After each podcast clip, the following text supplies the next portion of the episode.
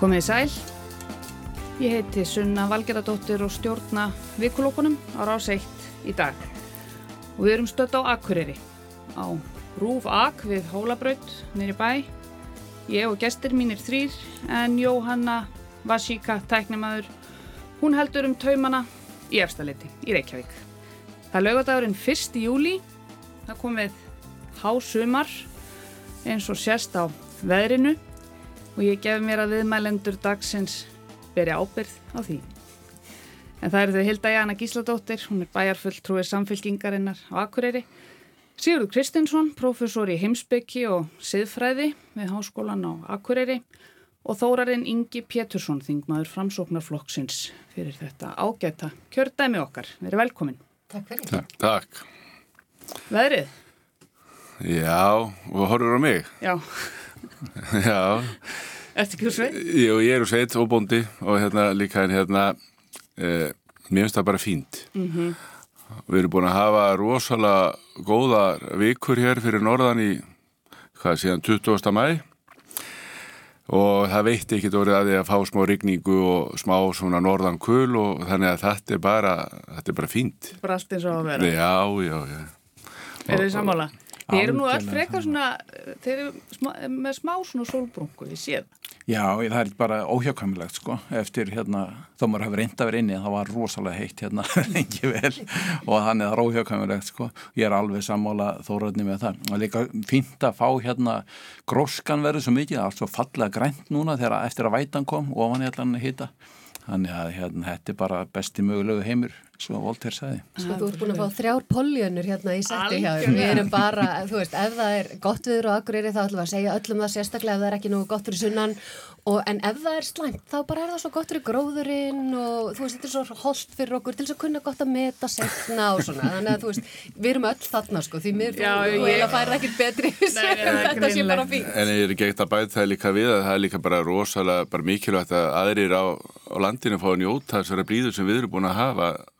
Í svo margar vikur. Nú að er svo- bara mjög gott að, að það gerist. Já, en ég reyndar svo mikill jafnaðamaður að ég er bara til að við fengjum öll góða veðri. Já, það bara gengur aldrei upp. Já, ég veit ekki hvort ef með siðfræðin að gera, mér hefur fundist mjög óþægilegt sko að tala um veðrið eins og í júni þegar það var svo ofbáslega miskipt sko. Já, svona meðvirknis. Já, já, Já. ef maður tala við fólk sem býr, bjóð þá í rigningu og leiðinda veðrið sko, maður tala bara um eitthvað annað sko. Já. Sammála. Við segjum frá því að það sé samt lúsmi og okkur klæði undan byttum, bara svona til þess að einhvern veginn, ég er sammála. Ég held ég um. Sjáum hvort þið verði jafn jákvæð gagvart því og veðrinu. En þessi sest, síðasta vika, ekki núna þessi sem er að líða, heldur þar síðasta vika, hún var mjög viðburðarík, það gerðist alls konar og í síðasta vikuloka þætti þá svona rétt myndumst við á, á Íslandsbankarsöluna vegna þess að, að það eina sem hafi komið fram þá var að Íslandsbanki hefði fallist á að greiða þessa himinháu sekt 1,2 miljardar hæstu sekt sem að fjármálaeftirliti hefur gefið út. En úrskurður uh, fjármálaeftirlitsins og raukstunningurinn fyrir þessari háu sekt var ekki komin fram. Sagt, hann kom ekki fram fyrir á mánudaginn núna. Uh, sem gerði það að verkum að það var aðalega það mál þessi sala á Íslandsbanka og, og afleiðingar þess klúður sem að einhvern veginn uh, réðöllu, allri umræðu og, og þessi sala sagt Íslandsbanka á sjálfum sér uh, hefur meðal annars orðið til þess að uh, frekari sölu á þessum hlut ríkisins í bankanum uh, verður öllum líkindum frestað um ótilgreindan tíma vegna bara vantraust uh, bankastjórin Birna Einarsdóttir, hún sagði af sér kvikast leit samningaviðræðum við Íslandsbanka, fjármála eftirlitið eins og við komum inn á hefur aldrei gefið út jafn háa segt uh, síðasta sem ég sá varðandi VAF-R þau, þau hótuðu að hætta viðskiptu við bankan nema öll stjórnin hætti og axli ábyrð og svo hefur maður séð á samfélagsmiðlum uh, fullt, fullt, fullt af, af bálreiðum viðskiptavinnum sem að eru að leita sér að öðrum banka og hóta að hætta viðskiptum við Íslandsbanka, brefin í bankanum þau hafa lækkað mjög mikið og svo framvegis og svo framvegis. Þetta er allt eitt allserjar vesen og enn er samkvæmt einhverjum eitt farsælasta útbóð Íslandsögunar um, það hefur endar bara einn látið það svona ofinberlega út úr sér og það var Jón Gunnar Jónsson, fórstöri bankasíslunar hann sagði þetta á fundi efnags og viðskipta nefndar í vikunni. Um, þetta hefur náttúrulega þróast eða, jú, þetta hefur þróast frekar rætt uh, eftir að eftir að þessi úrskurður var byrtur uh, Sigurður. En bankin samt sem áður var alveg búin að sjá þennan úrskurð fyrir helgi og við fengum að sjá bara fréttatilkynningu frá Íslandsbanka og viðtal við, við Byrnu þar sem að hún saði meðal annars að, að þetta væri eins konar traustsifilýsing og einhvern veginn túl, náði að, að tólka það þannig að, að þessi sekt væri, eða þessi úrskurðu væri svona já, gerið betur, við treystum ykkur til þess að gera betur en síðan þegar úrskurðurinn kemur fram og allar fréttinnar og öll viðbröðin fara að koma fram þá einhvern veginn uh, snýst allt við. Hvernig sér þú þetta svona út frá ef við, ef við speiklum okkur aðeins í, í til dæmis bara bankarhönunu sem er svona nærtækasta dæmið? Mm -hmm. Já, þetta er, þetta er mjög, við, við lifum áhugaðurinn tímum á oft við E, sko, það er náttúrulega mjög margir held ég sem að hérna, upplifa, upplifa pínum svona déjà vu með óþægilegum hætti núna að því hún nefnir bankarhunni sko. og ég segi það sjálfur að þegar að þegar að, að þessi skýsla var byrst og ég kíkta eins á hana þarna, strax sko, þá fekk ég akkurat þá tilfinningu bara guðmið góður, þetta var síðast þegar mér leiði akkurat svona, það var þeirra það var í apríl 2010 þegar ég opnaði hérna rannsóknum skýslu alþingis og var að lesa um sko ákveðna stemmingu sko, þú fær bara eila beint í æð tilfinningu fyrir því að þarna var sko adrenalín og testosterón og, og, og, og flýtir og hraði og svona e, möguleiki á einhverju verðmætu og vera með og missa ekki af en hafa hraðar hendur og allt þetta, þetta er svona tilfengi sem ég fekk og svona hópstemming en náttúrulega algjör andstað við svona það sem að kalla kannski fagli vinnubröð, vöndu vinnubröð, áhættu, mat, öryggis, hérna, ráðstafanir og svo framvegis sem er náttúrulega algjört grundvallar líkiladrið og ófravíkjanlegt þegar við erum að tala um sem sagt almannafíð og ráðstafanir og svona miklu almannafíð og þannig að þetta, mér fannst þetta að vera eins og ég segi, déjà vu. Uh, sko það að því að þú vísar í hvernig bankastjórin byrjaði að breyðast við og, og hérna það er náttúrulega bara það sem gerist svona, þegar, þegar það er eitthvað klúður sem búir að gerast að þá fara menn í svona PR mót að sjálfsögðu og reyna að hafa ásýndina ekki, eins, ekki verri heldur eða bara eins, eins góð og mögulegt er. En sem ég held að við komum úr pólitíkinni. Ég sást að Lili Alfreds hafi kallað eftir því að þessi sátt er í byrt ég kannski stóð það alltaf til hvað sem var. En allavega svo, svo var hún byggt og þá bara var var svo PR strategi ekki lengur í í bóði fyrir bankan sko að setja það, þann snúning á þetta að þetta hafi verið sátt og að þarna væri verkefni sem hafi verið ykkur vankantar á og við ætlum að læra á því eh, ef að það væri, hefði verið niðurstaðan þá væri það ákveðin leið áfram fyrir bankan en það var ekki niðurstaðan og gæti ekki verið í ljósi þess sem stendur síðan í sáttinni sko. E, eitt sem ég er að velta fyrir mig sko varandi þetta og ég er bara ekki alveg nógu uh, klár á og hvort að þið vitið að uh, láð það ekki alltaf fyrir að fjármáleftiliti myndi byrta úrskurðin sin Já, ég, eins og ég segi, ég bara veit, ég veit Nei, ekki, en, en það var kallað eftir því, sko, Já. það leið þarna á hverjum tími, þannig að ég, ég, ég treyst mikið til að segja um mm. það, en ef það hefði ekki verið byrt, þá, sko, hef, væri málið allt öðruvísi núna, sko, en gagsægi er eitt af þessum grundvalla gildum og ég menna, við erum að tala um líðræðislega gildi, gagsægi, jafnbræði e, og hérna, Uh, og sangirni uh, og sko þetta eru bara siðferðlegildi, líðræðislegildi og grundvöldurinn í raun og veru að því að við getum átt hluti saman. Ef við, stundum, ef við bara skölum þetta aðeins niður og líðræði í heilu þjóðfélagi er að sumuleiti svipað á líðræði í sem bara húsfélagi eða einhverjum öðru félögum. Og þá kannski getur maður auðveldlega sett sér þessi spór sko, þú félur einhverjum í stjórn eða hverjum verkefni og þeir kannski ráða inn einhverja verktaka eða eitthvað sem kemur ljósa þegar við síðan kannski bara, þú veist að einhverju nýðingar og annað eftir því sko.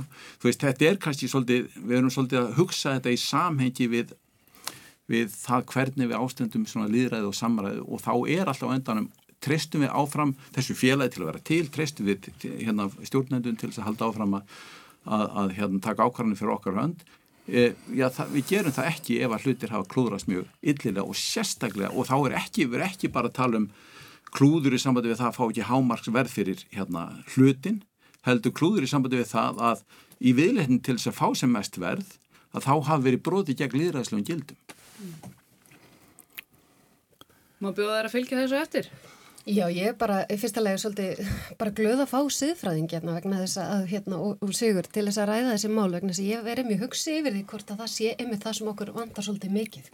Þetta var tilfinningin svolítið svo sama og, og hann nefnir hérna áðan að það er, það er, það eru siðferðisleir einhvern veginn brestir í samfélagin okkar. Þessi græðki og þessu upplifin um að það sé alltaf verið að hafa manna fýbli bæði sko þessi Íslandsbankasala eh, þú veist frittir í vikunni varðandi einhvern veginn og húsásmiðan sé eitthvað að hækka verð og mm. lækka til þess að búi til hérna auglýsa helmingsafslætti e, mjölkurferðnum málið og maður situr og er bara, þú veist, er einhvern veginn bara er alltaf verið að trýta mann eins og maður er, sé kjáni, er allir einhvern veginn að reyna að misnota vald sitt til þess að græða sjálfur á kostnað almennings? En auðvitað er þarna ég farin að fara í dramatíkinu sko vegna þess að auðvitað er ekki alltaf Nei, alveg bara góð, þetta eru góð dæmi fyrst mér. Já, þetta er svona samhengi hlutana um að sé einhvern veginn vera að hafa manna fýbli og hérna, og ég er ekki að segja allir og ekki alltaf og, og örug alls ekki eitthvað allir starfsmenn Íslandsbanka eða allir í bankasíslinu og svo framvegis. En hins vegar þá, þú veist, ég satt á þingi þegar það kom, þarna var fyrst þessi umræð og fyrsta skíslan og ég skildi aldrei þá, ég skil ekki enn hvers vegna og einmitt í þessu ljósi að ef við erum með e, þetta, ef við vil, höfum trú á liðræðislegum ferlum og gagsægi, akkur var ekki bara farið strax og farið ennþá í það bara að skipa og hafa rannsóknar nefnd sem færi bara onni kjölinu á þessu máli vegna þess að upplifun er eins og svolítið svo að það sem hefur verið rannsakað hinga til, mm -hmm. það er alltaf eitthvað maðkur í misunni og ef að við samfélag þarf að eitthvað neina byggjast upp á því að við höfum eitthvað trú og tröst á hvort öðru að því annars snýst þetta allt um að við förum bara að reyna sjálf þá líka bara að nú allir hérna svindla öllum og allir ég nú líka fara á svindla og okkur er ég ekki þá bara að svindla hérna á kerfunum og svíkjöndarskatti það er allir að gera þetta stemmingi svona þess að við í hérna úlingar í gagfræðiskóla mm -hmm. þú veist við getum ekki, eða ég vil helst ekki búa, eða bara alls ekki búa treyst svolítið á hvort annað og á þessi siðferðislega gildismat á því að það sé ákveðni hlutir bara einfallega ekki búiði og hérna og þetta var þetta, ég upplifði og einhver var að segja að ég væri nú svolítið dramatísk að tala um að vera einhvern veginn döpur og sorgmætt en það var samt svolítið upplifunin. Ég var eitthvað svo svegt bara líka eftir hrunið og alla umröðuna eftir hrunið að sjá eh, hérna þessi dæmi um starfsættinina innan Íslandsbanka Eh, væntanlega giska ég á án þess að vita og ég er engin sérfræðingur í þessu málfókin væntanlega ekki allir og ekki alltaf en einhverjir töluvert og þessi klíka og hverjir fá að setja veisluborðinu, hverjir með bóðið og þér er ekki bóðið en þér er bóðið og, og, og gefa lítið fyrir hérna regluverkið okkar. Þetta er, þetta er vond tilfinning og við getum ekki sem þjóð sætt okkur við að þetta sé leiðin og það er svona fyrst mér svo gott að sem Sigur var að koma inn á vegna að þetta snýst ekki bara um að búa til skottheld lög þannig að enginn sko geti nokkuð tíman farið fram hjá þeim heldur líka einhvers konar siðferðislegt gildismat okkar sem bara þjóðfélags þegna um að ef eitthvað er ekki í lægi að gera það bara ekki. Ef þú sérð, heyrðu, þarna er ég eitthvað neina að hanga eitthvað með að græða á einhverju, með að gera eitthvað sem er svona nett skýtlegt, veist, ekki gera það. Mm. bara ef við fyndum það líka hjá okkur sem sko manneskir. Það væri, það væri voða gott. Já, já, ég sko þetta er bara, þetta er mjög fín ingangur og, og sérstaklega eh, hjá þeim báðum hérna og ég get svo sem tekið undir mjög margt af því sem að hér hefur komið fram. Nú sitt ég í fjárlæðanemnd og búin að vera í þessu ferli allan tíman og uh, þegar ég las skýslu fjármáli eftir, eftir þetta seljabankars þá kom bara eitt orð upp í huga sko. fyrst, þá var ég bara dapur mm. verulega dapur yfir því að allt þetta ferli uh, það er búið að villa um fyrir eins og það sagt er í, í skýslunni það var vilt um fyrir bankasíslunni sko.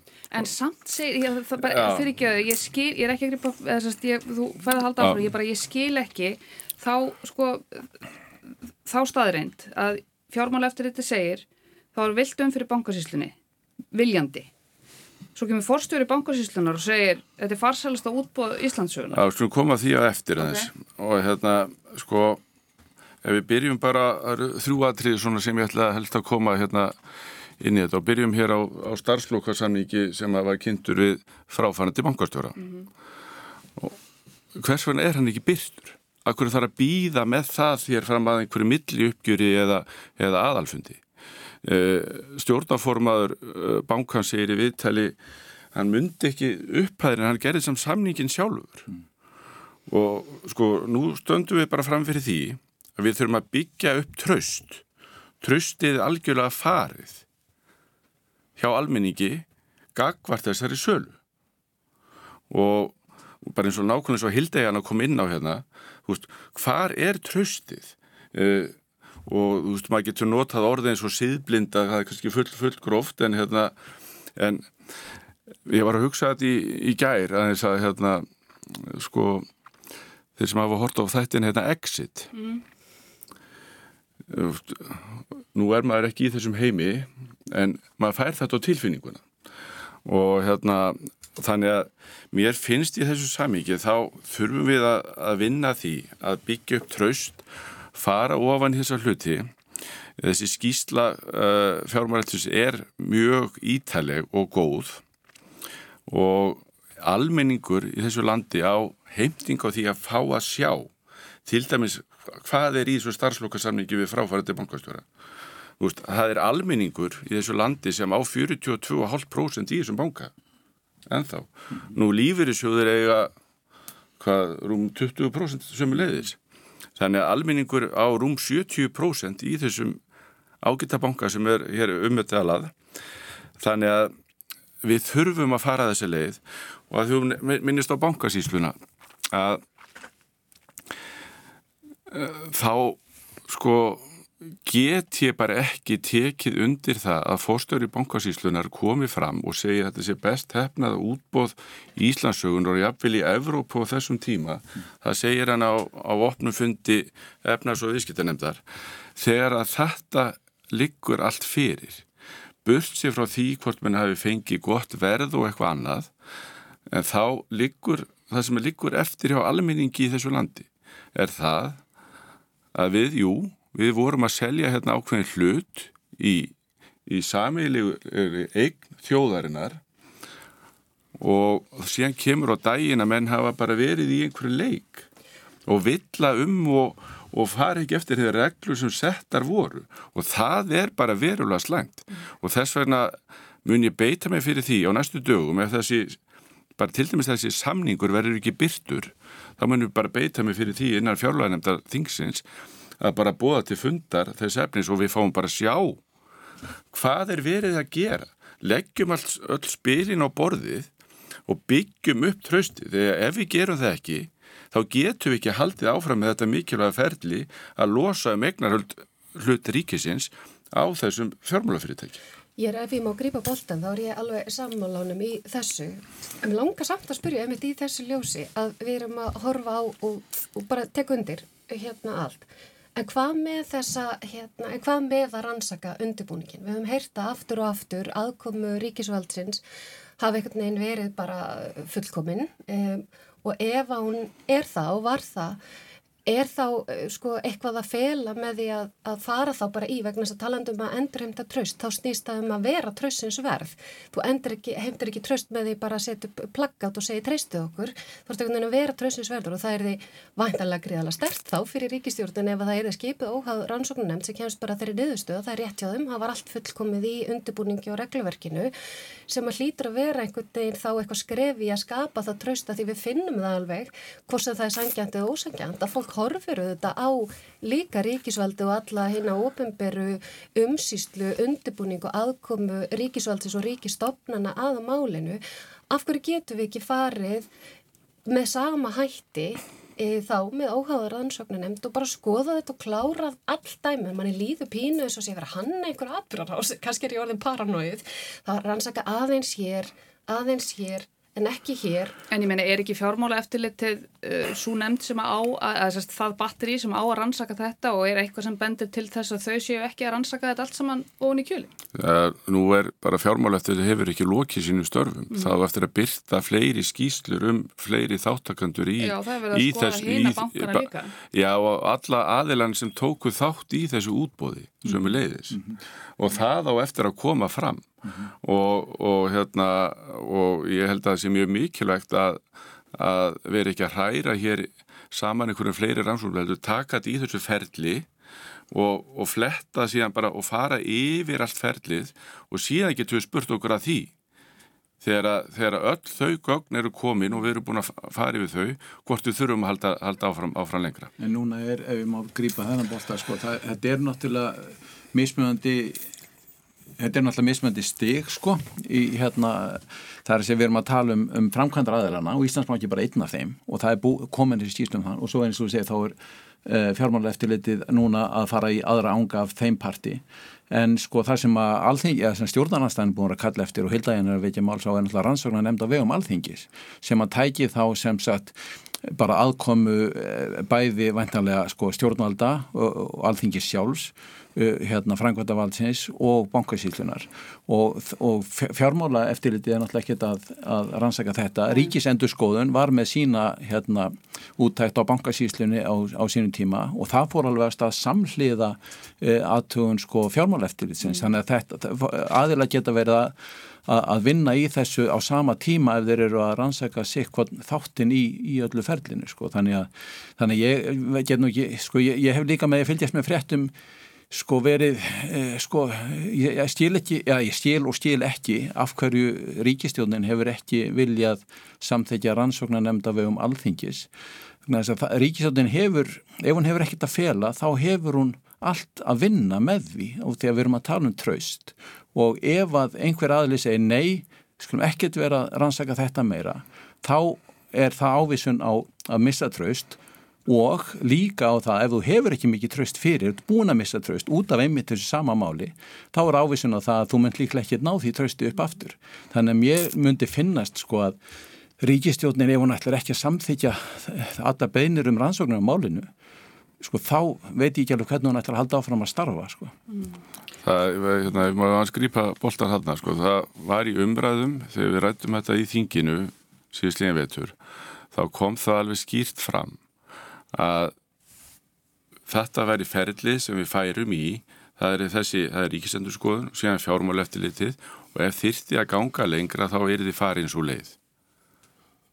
Og það er það sem ég, sem ég legg til varan, varandi þessa. Og þetta er snýst á um aðferðafræði eins og við erum að tala um hérna hvað mig gera og hvað ég ekki gera. Mm. en eh, að því að sigur ég er að því að menn vil ekki kannski opna, opna hlutina þá er ég bara ósamála því því að það kom alveg skýrt fram í þessar umræðu það er það að þessi leið er því farin þegar við værum búin að fara, fara hérna og, þá, eh, hvort við þyrtum hana þá það er því sem komið ljós þegar við værum búin að fara yfir alla þessar skýslur og alla þessar ansók. Það er líka búin að koma alveg frá byrjun, er búin að koma mjög, fram mjög skýr munur og afstöðu til dæmis þíns ráðherra Lilju Alfredsdóttur og Bjarnar Benediktssonar Lilja Alfredsdóttir verandi viðskiptaráðara og Bjarni Benediktsson verandi efna, eða sérst fjármálráðara uh, sjálfstæðisflokkur og framsóknarflokkur. Uh, ég meina það fór allt það fór allt í háa loft hérna fyrir nokkru mánuðum þegar að Lilja gaggrindi þessa mhm. sölu. Ah, og hún hefur verið frekar harðorð allan tíman sko. Annað en Bjarni til dæmis. Já, Lilja er búin að vera mjög á tánum verði að segja varðandi alla þessa hluti og, og það er mjög mikilvægt fyrir, uh, fyrir okkur til dæmis í, í framsóknarfloknum að, að hafa einstakling með þessa þekkingu innan okkar aða hún þekkir þetta ákveðlega, hún vann náttúrulega hjá Sælabankunum sömu leiðis mm. hér í fyrra lífi eins og maður segir þannig að vissulega hefur þessi gaggrinni komið fram og þetta er svo leið sem, að, sem ég nefndi hér áðan sem að er við teljum skynselegt að fara það er að segja klárum þetta hérna og höldum sér áfram ef við þurfum á því að halda. Og ég held að fél, það er engin fyrirlaukur í kringum þessa, þessa hluti hvað það varða sko. Ég skil.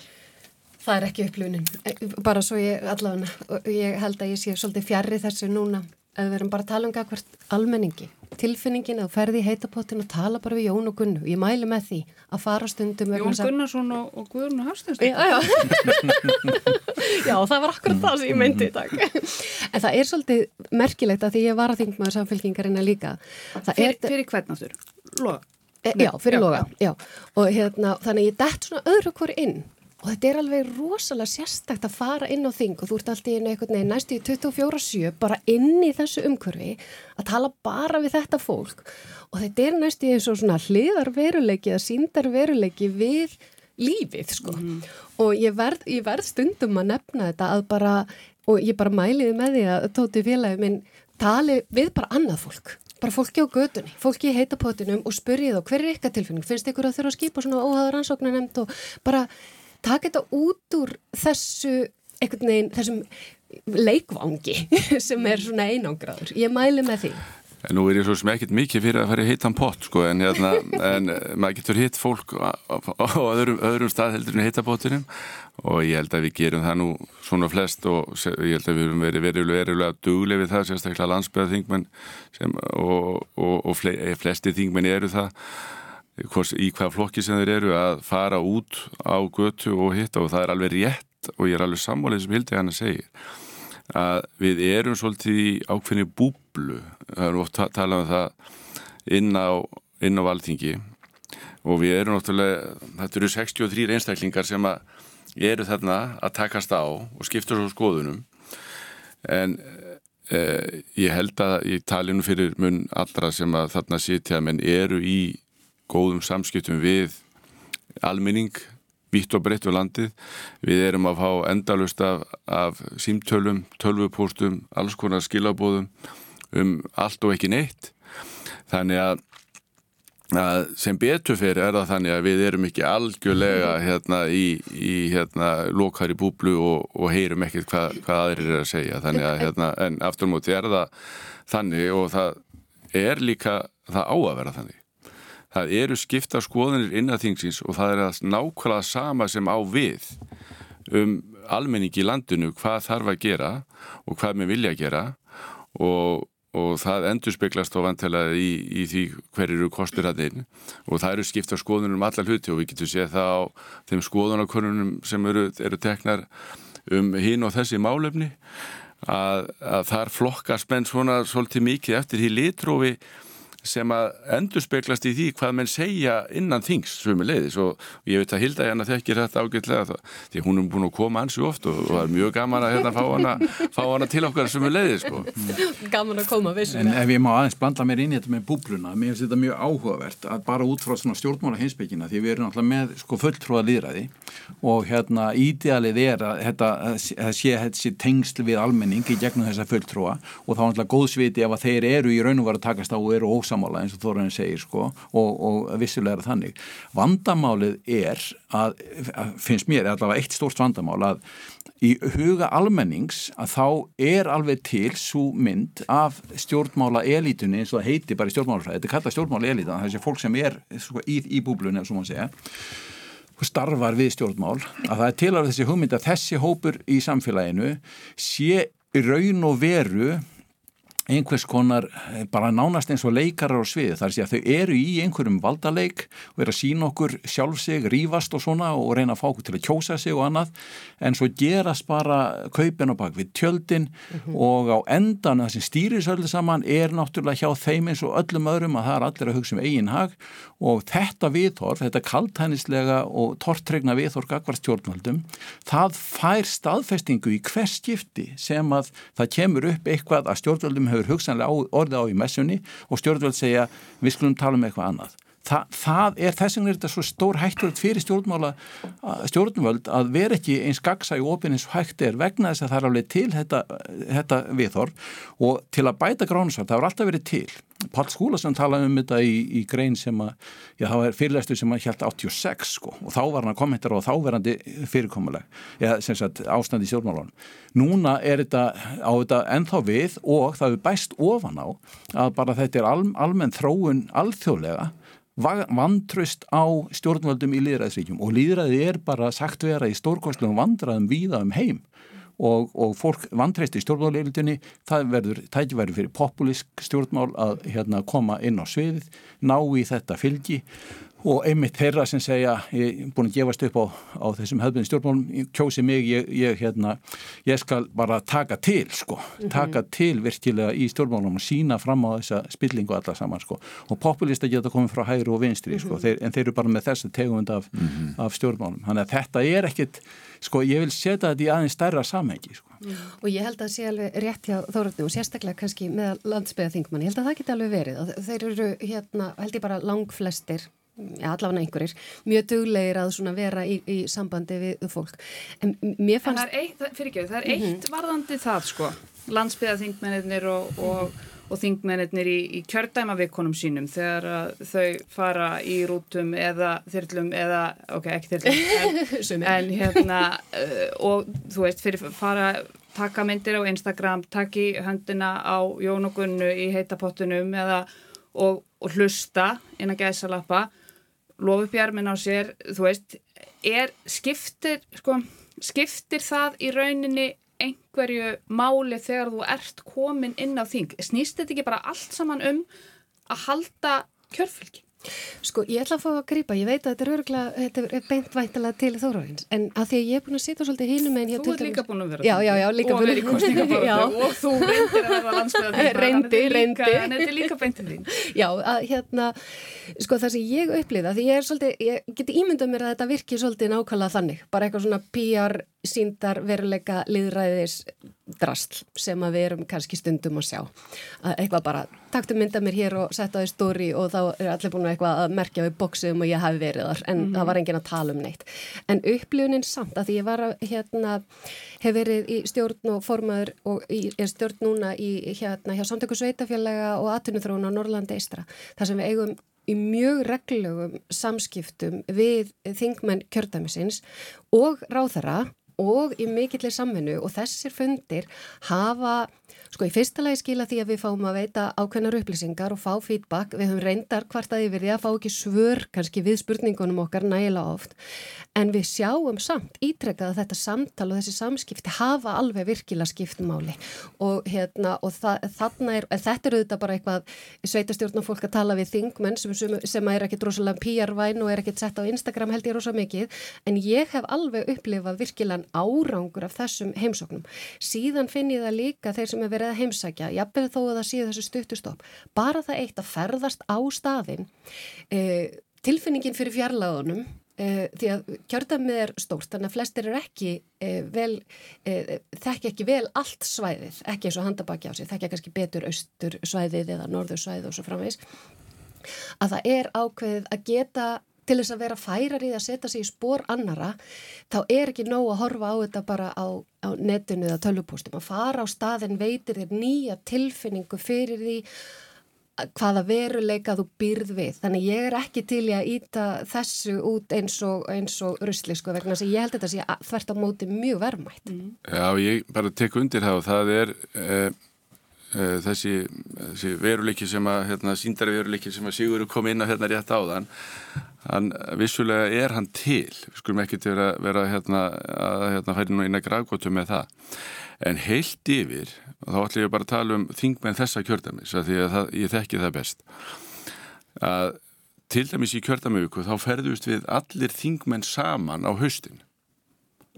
Þvert og flokka bara allir þessi tíu Já, það er stundur svolítið fyndið að sjá myndir af því. Já, og, hérna, og það er, sko, það er vegna þess að við erum að vinna fyrir þetta kjördami. Við erum kjörinn til þess að berjast fyrir kjördaminu.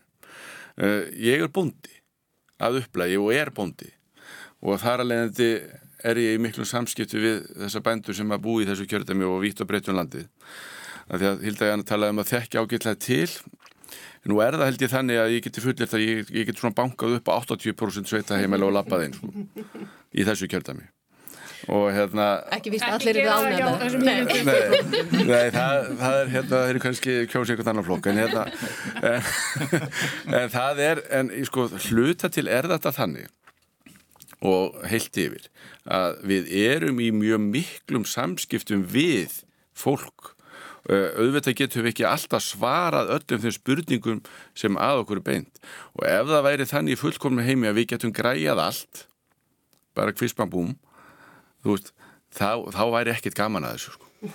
og hérna og, og en verkefnið er samt alltaf þetta og ég vil bara taka boltan sem Sigur skildi við hann hérna áðan að sko verkefni okkar er það að því við byrjum að tala hérna um Sölun og Íslandsbanka að það er það að við verðum að fletta ofan af öllum hlutum, opna umræðuna, hætta þessum féluleik mm -hmm.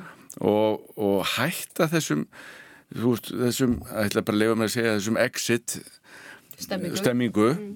vegna þess að það er engin stemming fyrir því í þjóðfélaginu. Nei. Almenningur vill þetta ekki mm. og við viljum bara hafa hérna svona gegnsætt umhverfi þar sem einn hætta að, að sísla með, með eignir almennings eins og þetta sé einhverju tíkallar sem að menn geta bara svona veifað út til lofti til þess að reyna að fá tíkall tilbaka sko. það, að, þetta er algjörlega orðið sko, mér finnst þetta bara eins og ég sagði áðan hérna ég er bara dapur yfir því hvernig niðurstaðan í þessu er. Mhm. Ég er algjörlega sammála því en það sem ég vildi nefna er samt eh, að því ég veit að Þóraðin er duglegur að banka upp á hjá bændum og síðan er, en það er svolítið misheft aðgengi landsmanna að síðan þessum hópum því að fólk upplifir sér sem einhvern veginn að það representi bara þennan hóp eða þennan hóp og hverjir eru síðan hópanir sem er að falla á milli skips og bryggju er svona pínu áhugjefni hins vegar mm -hmm. og hérna og auðvitað eins og sann samfélkíkakona verði auðvitað nefna ég hef verið og það hefur verið alveg opna augum mín með nýjum hætti þessi funda, fundir sem hafa verið um heilbreyðismál sem hefur verið farið, samfélkingin hefur verið að fara og, og Kristrún setti á þennan eh, hóp um heilbreyðismál það sem eru, ég veit ekki hvað, ég veit öruglega hundru funda en samt oft bara með 15-20 manns og ekkert til þess að taka bara mynd heldur til þess að tala í, í augnhæð við fólkið í landinu um hvernig við viljum takast á við málinn. Þetta er alveg allavega haft áhrif á mig, bara svona hvernig getum við gert meira af þessu almennt þannig að þetta sé ekki svona mikil síló og svona þannig að það er allir e, möguleika aðkomin eða öll vegna þess að ég upplifa það séu sumir sem að hafa gott aðgengi og aðrir ekkert eða held þetta ekki einu svona í huga að þið getur haft aðgengi mm -hmm. Við höfum nú töluvert betra aðgengi að, að e, stjórnmálamönnum í dag heldur en kannski fyrir jáfnvel bara tíu árum síðan Já. með tilkomu allra tækni og allt það. Um, Mér langar svona aðeins að, að gefa ykkur upplýsingar hlustendur sem voruð að afsækja kveikja á viðtækjunum. Ég heiti Sunna Valgerðardóttir og er að stjórna vikulokkunum frá Akureyri í dag. Og hjá mér eru þau Hildæjana Gísladóttir, bæjar fulltrúi og varaþingmaður, samfélkingarinnar, Sigurður Kristinsson, siðfræðingur, par excellence, heimsbyggingur og þórarinn Ingi Petursson bondi og þingmaður framsóknarflokksins.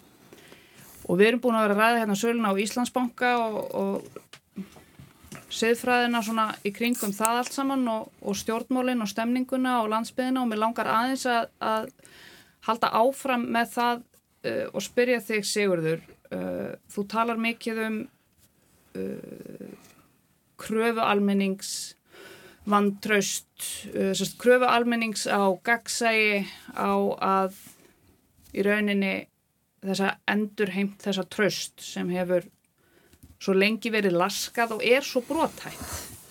Það þarf ekki það að þetta, uh, þessi skýrsla fjármála eftirlit sem sé lítill en það þarf samt lítið til til þess að, að brotætt tröst og það veitum við náttúrulega bara öll, bara verandi manneskur til að það bara brotni algjörlega aftur.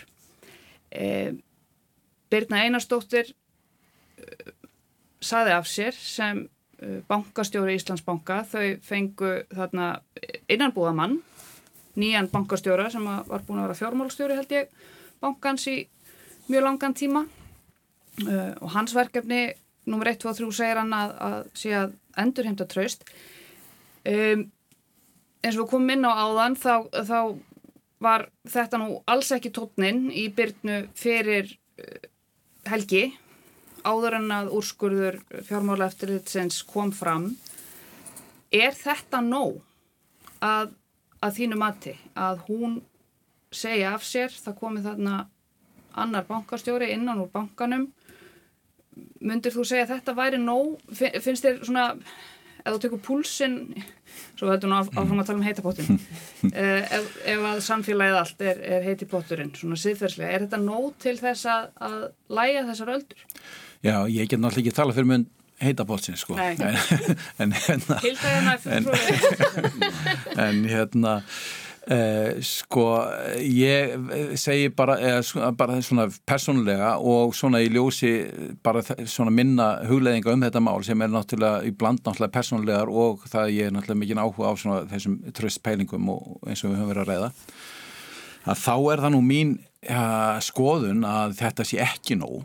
Og hérna það er, þú veit, það hefur til dæmis verið bent, það, það er eitt vinkill á þessu hvað sem hann er sandjarn eða ósandjarn að sko það er eitt munstur sem þetta fellur í sem hefur haft orð á sem er að sko þegar að hérna allt gengur vel og svona og eitthvað, eitthvað er til að rósa fyrir þá, þá fellur það á, á kallkynnið en kvenkynnið er síðan látið taka til eða, eða, eða hérna taka skömmina. Eh, þú veist, þetta er náttúrulega mjög mikil einföldin það er ekkert, eh, þú veist vegna þess að byrna kona en eitthvað svoleiðis en það er hægt að setja þetta, sjá, skoða í þessu ljósi en það er nú ekki stóramáli stórumálið er kannski að það er að sjálfsækja hún einn sem að ber þarna ábyrð ég menna það er stjórn eh, hérna bankans ber að sjálfsögðu ábyrð á þessu líka. Og væntalega þessir starfsmenn og, og, og, bankans sem og starfsmenn voru að- bankans að selja- klárlega sko, það er nú einhver þarna aðili sem hann komið fram að hann eh, starfar ekki lengur hjá bankanu, einhver sem var stjórnandi þarna í einhverju, einhverju meiri áttar hlutverki en, en hérna en nei, mér finn, sko, þetta, þetta snerti mig sem svona kattaþvottur sko.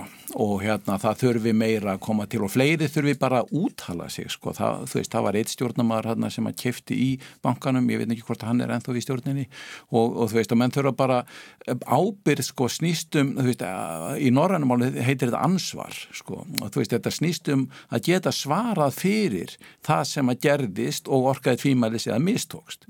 Og ef að menn þeia bara þunnu hljóði að setja þetta af sér þá eru þeir ekki að taka ábyrð sko. það er sko stundum er bara sagt axla ábyrð því þið bara fara en það er náttúrulega líka ekki alveg svo einfalt, það er að taka ábyrð og axla ábyrð með öðrum hætti og í sumu tilfellin getur það verið Ríkistjórnum er nú aldrei búin að sanna það. Einföld útleið að hætta bara.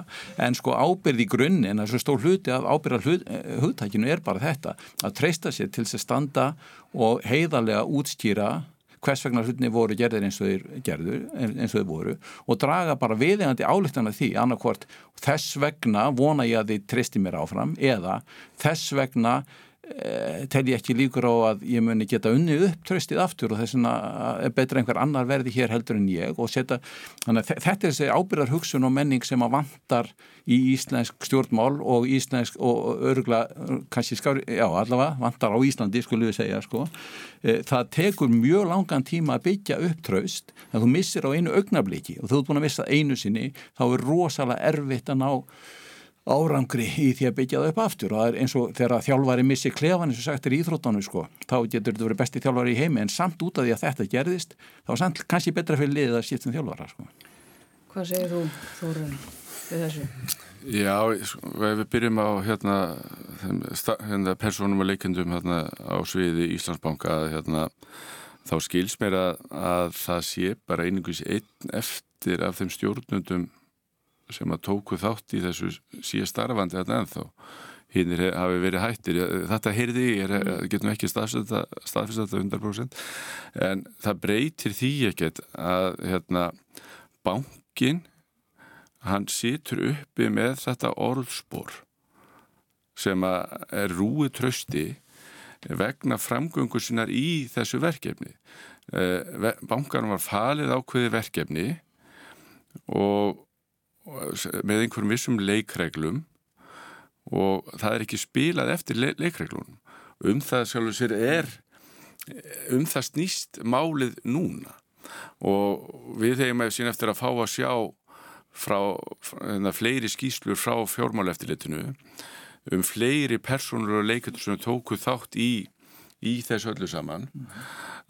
Þannig að hérna, þegar að við erum búin að sjá það og, og fara ofin í sauman á því að þá er það náttúrulega þannig að við þurfum að byggja húsið upp á nýju og þá þurfum við að treysta grunninn alminlega og, og hérna það kom nú fram á fundi efnars og viðskiptanemndar að hjá uh, stjórnarformanni bankasýslunar að, að kerfið hefði virkað og síðan kemur Frankfurtastjóri rétt og eftir og segir að þetta verið besta úthefna, besta hefnaða hefnaða hérna útbúð Íslandshugunar og í Evrópu Eh, og í Evrópu nú um stundir að hérna en það var bara munurinn á þeim tveimur hvernig þetta hvernig þið nálguðust málið en, en sko það sem er í þessu jú, eftirlitskerfið er að virka núna við getum sagt það.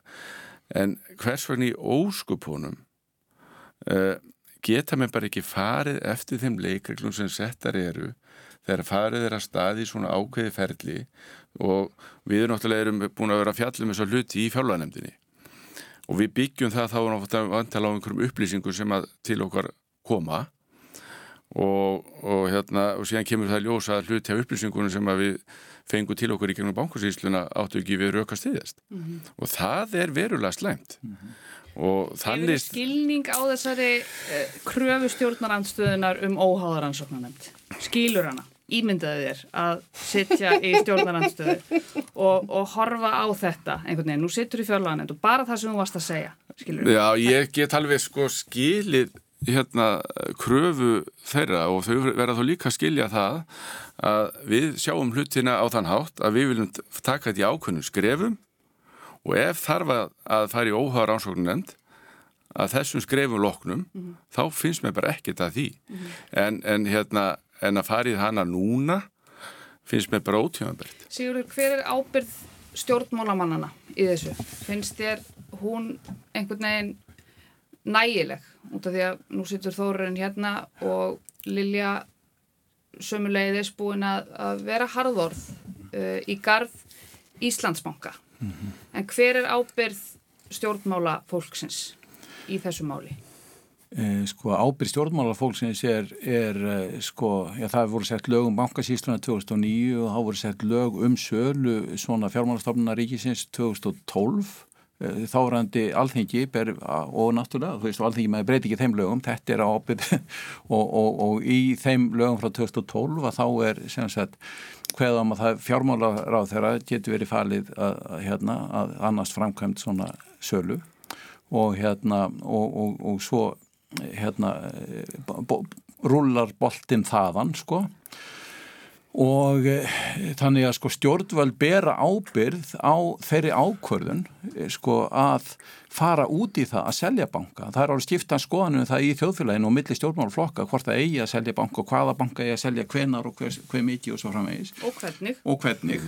Og stjórnvöld bera ábyrð á þessi en, á, en það um hvernig, það er náttúrulega framkvæmdaratrið sko þannig að þá bera spöndin af, af fjármálaráðura sem að bera ábyrð á þeim ákvörðunum þó svo að það sé kannski aðri sem að vinna í því öllu saman en hann þarf einhvern veginn að, að samþykja það skilur Já, hann, er, hann er svona stóri, Stó, já, stóri bossi. hann, hann er tengingin við sko, valdi, við stjórnvald hann fer með það vald sko, þannig að það er ábyrð þannig að hann þarf að vera tilbúin að útstýra sinn hluti í því sko. Finnst en, þér- en ég, en ég verð sko, ég get ekki úttalað mig mikið um þú veist, ég ætla ekki að fara að vera í þessu dæmigjara siðfræðingar hlutverki og segja að menn eiga að segja af sér sko og, en, og, og ég bara ætla að láta það eiga sig sko. Já, já, já. og hérna en, en auðvitað bera, það er allir að bera ábyrðum sem ég sagði áðan, ég, ég vil endur taka hér að það eru mismöndi þættir í þessu ferli öllu saman sem þarf bara að rannsaka sko. Og fyrir almenningur á rétt á því. Það sem að mér finnst svolítið mikilvægt að því upplifunin er sko, eh, við höfum stundu talað um íslensku meðvirknina. Og það er örgulega alveg ótrúlega óþægilegt þegar spjótin í svona stóru máli eh, beinast að einhverjum sem er annarkvort náinn vinnufélagiðinn og starfsfélagi jafnvel til margar ára hvort ef sem að það er innan Íslandsbanka því að nú gíska maður á að, óabyrt að það hafi einhverjir gert einhverja vitlausu sem ekkert ólíklegt verður að teljast að bankastjórin hafi á einhverju tímapunkti átt að sig á en ekki tekið á og það sé að mörguleiti pluss þessi yfirlýsing og hvernig maður tekist á það ástæðan fyrir að viðkomandi þurft að hætta og segja af sér. Ekki endilega grunur um að viðkomandi hafi sjálf, að bankastjórun hafi sjálf gert eitthvað ránt og þess vegna er ég hugsi um sko ríkistjórnina að því auðvitað er, er við erum allt fólk og manneskjur og, og, og hérna og þegar að sko eins og fjármálar á þeirra í þessu tilfelli er bara manneskja sem að vinnur með öðru fólki og það getur auðvitað verið svolítið erfitt að segja, heyrðu við ætlum að rannsaka hérna eða takast á við og skoða eitthvað sem tengist mannesku sem er við hliðin á manni.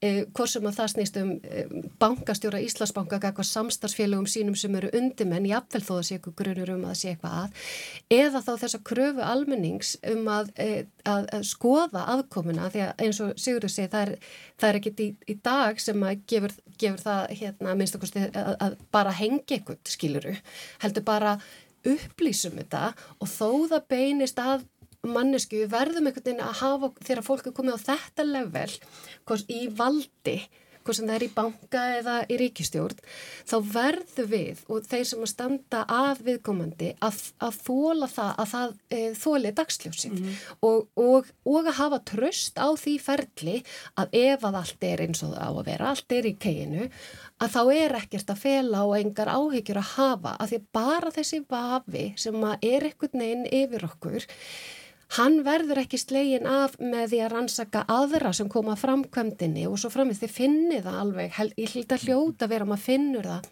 að spjótum beinast líka að ríkistjórninu og sérstaklega fjármálar á þeirra og einhvern veginn þarf að geti ekki ímynda mér hvernig eigi að takast á, því, á við það með því bara að segja við ætlum að pæli því setna eða bara hvað Íslandsbóki var og, og taka bara þann boltasko. Þórarinn, mér langar aðeins að, að spyrja þig sem innanbúðarmann. Hvernig er stemningin í ríkistjórninni eftir þessar tvær vikur? Fyrst koma kvalveiði fyrst kemur kvalveiði bann Svandísar Svavastóttur sjálfstæðis og framsóknar fólki til mikils ama.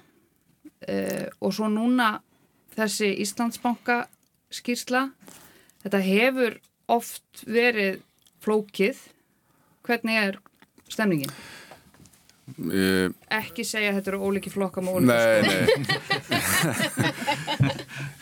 Það er bara þannig að, hérna, að þetta er allt fullori fólk sem er í þessu starfar og, og menn eru oft ósómála og annað væri bara mjög sérstakt og þó að þú segir ekki segja þetta þá er þetta nú alltaf þessi, þessi hérna, við komum alltaf að því sama en ef, ef þú spyrum stemminguna mm -hmm.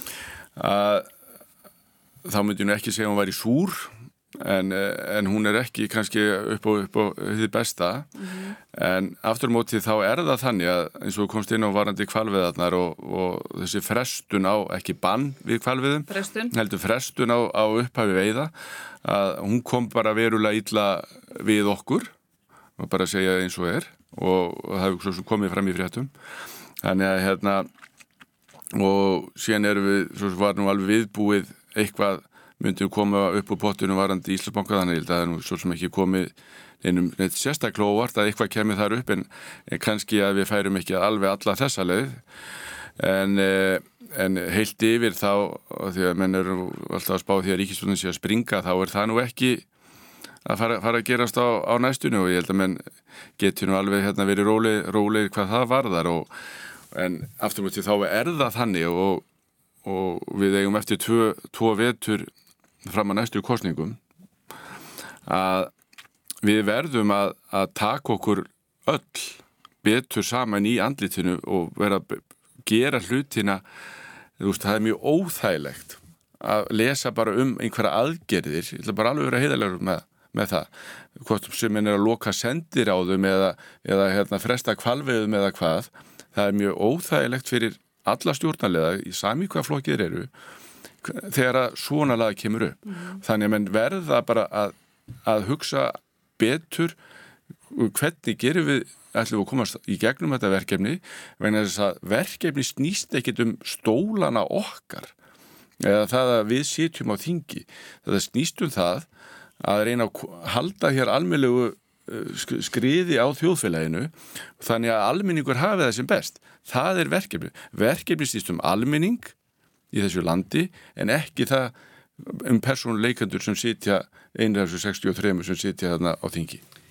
sitja í þessum ráðherrastólum. Já, ég, sko, ég held að ríkistjórnar samstarfið muni alveg halda áfram sko, en það er uh, sko, En það er það nú kannski ekki flokkunum í hagbind Já, e, það er nú ég byggja eða mest á því sko að, að, að það er ekki, ekki vil áhætta ef við setjum í spór stjórnarflokkana sko sem er að tapa fylgi núna út af einsum málum að vilja kannski ekki kjósa akkurat þá En, hérna, en það er náttúrulega þessi brestir að verða meira og meira ábyrgandi og eins og Þórun segir þá eru ráþur að spila meira sóló bara með sín mál. Sko ríkistjónin er náttúrulega það er ekki þannig fyrirkomulega hjá okkur ríkistjónin sé eitt svona stjórnvald sem að þarf að hafa samráð.